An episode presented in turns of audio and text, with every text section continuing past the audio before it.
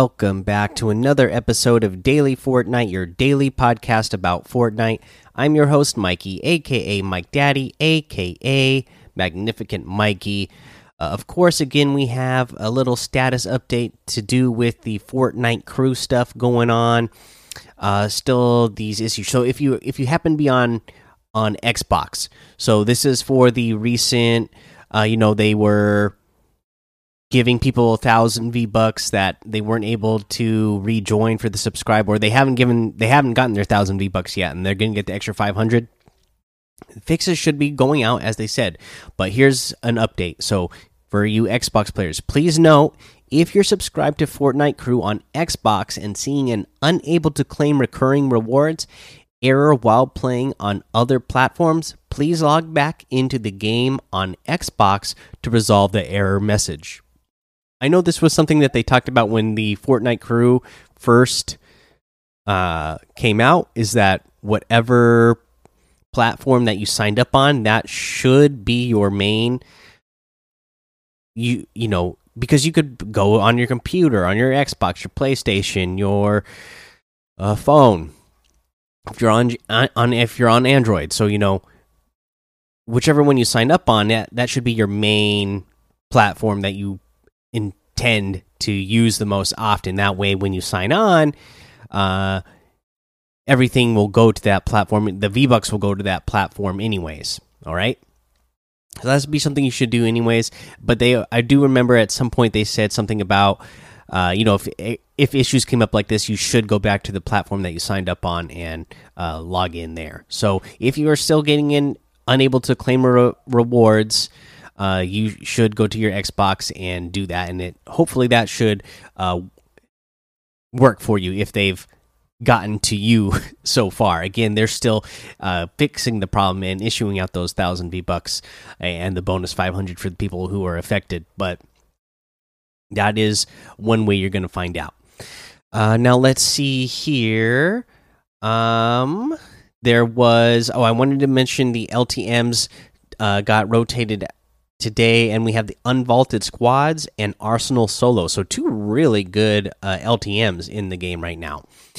Uh, and then I wanted to talk about this. I saw uh, Sypher PK talking about this, and apparently, uh, this was something that uh, some content creators have been getting emails about.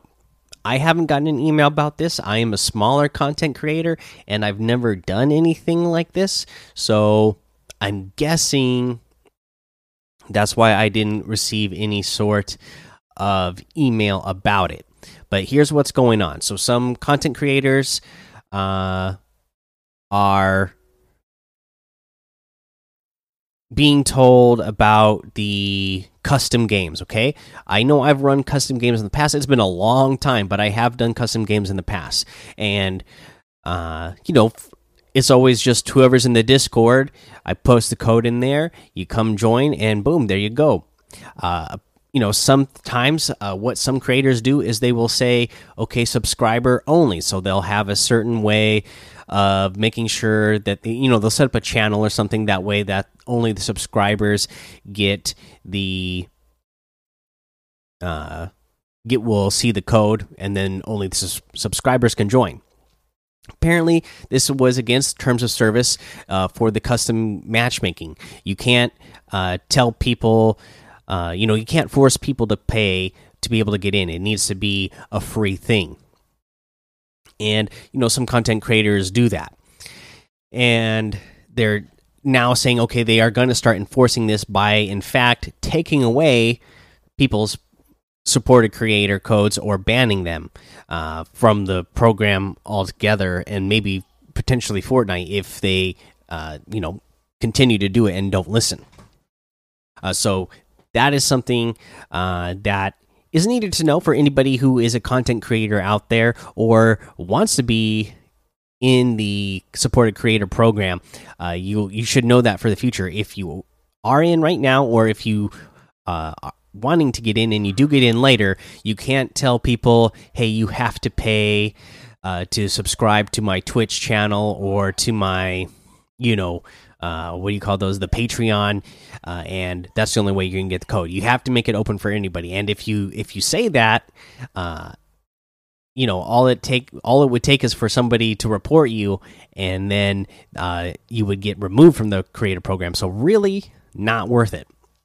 Here's what I think though about the whole situation is uh, is it it is an issue. And uh, Sypher PK even talked about in the video that you know he has done that in the past, uh, and there's been situations where you still get people because a lot of times you know you you won't get full lobbies or you might try to set up rules because you're trying to practice certain things and you want everybody in the lobby to try to practice it and sometimes he said even the subscribers would uh, you know not follow rules and i know myself you know at the at most uh, in a custom lobby because I'm a smaller content creator. Uh, the most I've ever gotten is like I want to say like 27 or 28 people in the same lobby at once. So we would try to set parameters, right, to make it so that you could only you had to wait for the first couple of zones to pass before you could attack people. And you would still get people who would not follow those rules and whatever. So, uh, you know, my whole thing with the situation is they need to make more customizable features for the custom games. For instance, being able to ban people from your custom games. I, get that it needs to be free and every for everybody to be able to join. You can't charge people to join, but you should be able to kick people out who are not following the community rules. You should be able to uh, ban someone and be like, okay, uh, if you're not going to follow the rules, then you no longer uh, can join uh, these custom games and just ban them outright. Uh, so that's something I'd like to see from Epic in the future. If you know, if this is really going to be the rules they set, because uh, you know, especially for the pros, that's a, that's a big strategy for pros to be able to practice custom games. Um, you know, they can't. You can't just like put the code out there and let everybody in the world join. You know, uh, I get pros can set up their own private discords or whatever and share their their codes privately but it seems like that uh you know that's the only way that they would be able to do that. And you, you again still you'd have to have everybody on board of not uh, leaking that code to other people. Uh, and you know when you have a hundred people in the same room you're for sure going to get at least one or two people who are uh, jerks and are, are not following that anyways uh, so again, for me, uh, I'd love to see some more custom. Uh, customizable things in the custom matches and being able to uh, kick people out and ban people from joining your custom games. Uh, let's see here. I think that's all I have for that. Let's go ahead and talk about one of these other challenge tips. Uh, again, you know, these are just so weird this season. I hope they go back to doing it the way they did before. Uh, in the uh, before this season. Uh, I mean, this season is just the weirdest and worst way that they've ever done challenges to me. So let's do the blow up fishing holes at Sharky Shell, uh, Sweaty Sands, or Flopper Pond. Okay, the Flopper Pond, uh, that is. Uh, what do you call so that's north of Retail Road, that lake over there. Uh, there is, of course, uh, Sweaty Sands. It's it's marked right there on the map. And then what was the other one? Uh, Sharky Shell. So at the north end, you know, at Sharky Shell, north of uh, Coral uh, Castle. Now, uh, what I'll say I did was what I found easiest was uh, just going to Sweaty Sands and going on the dock, going to the very north end of the dock, having some grenades, and there's so many fishing holes right there. You could just throw, toss them right in, and boom, you have that challenge done in a couple of seconds. Okay, uh, that's the challenge tip. Let's go ahead and move on over to the item shop today. And the item shop is a good one. So let's take a look at everything that we got in here. Uh, first up, uh, we have the Yeehaw outfit with the glitter up emote for 1,500. The Star Wand harvesting tool for 800. The Commando outfit for 800. The Fire Spinner emote for 800. The Paddle Royale emote for 200. the cap kick emote for 200. We have the uh, all the outfits the what's this? The banner brigade set. These are all 800 v bucks there's eight different outfits you can choose from. These are the ones where you can uh, you know you have camo pants on and then you can customize your uh, your shirt and your hat. So the color and the logo. There's also the and remember those are 800 each. You have the banner cape back bling for 400 the emblematic harvesting tool for 500 the banner shield backbling for 400, the banner wave emote for 500, the banner wrap for 500, and the custom cruiser glider for 500. You can get any and all of these items using code MikeDaddy M M M I K E D A D D Y in the item shop, and some of the proceeds will go to help support the show.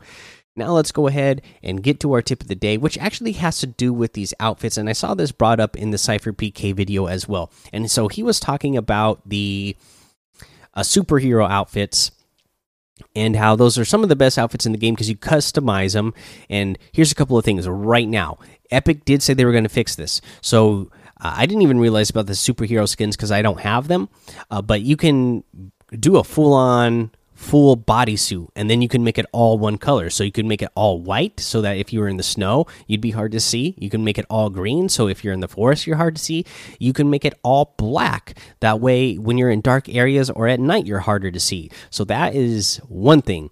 But that's not the tip uh, because again like i said fortnite will it sounds like they will end up fixing that but here is what you can do. I think that is a really good method. Uh, a lot of times in the past you know when i would play competitive with people uh, we would all try to wear the same outfit right? And it makes it even better when you have uh, these type of outfits because you can have a logo on there any logo you want. You can choose any color you want so you have a couple of different combinations that make it very obvious who is on your team and less likely that other people will play that team. Uh, for for example, if you go back to other seasons like season chapter one, season eight, right? Everybody was the banana because that was the first season where they gave away the battle pass for free. Uh, so everybody was being the banana. So if everybody on the team decided to be Peely, you'd end up with a bunch of you going up against a bunch of other teams where everybody was Peely. So it's hard to differentiate between yourself and the other teams. So even if you have one of these Banner Brigade outfits or you uh, have the superhero outfits, you can really customize all the colors and the logo. That way, everybody knows hey, our team is this specific color with this specific logo. That way, if somebody goes down or we all end up in a big box fight, all standing next to each other, we know who is who and we uh, can differentiate ourselves from the enemies and take them uh, and track them that much easier. And again, the other uh, nice advantage about this is it makes the makes it harder for the enemies to track a single player in a duo, trio, or especially squad.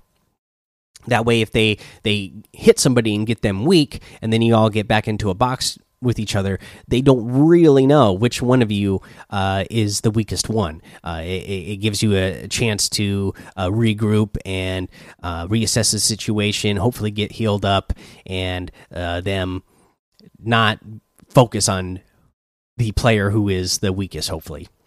All right, guys, that's the episode for today. So go join the daily Fortnite Discord and hang out with us.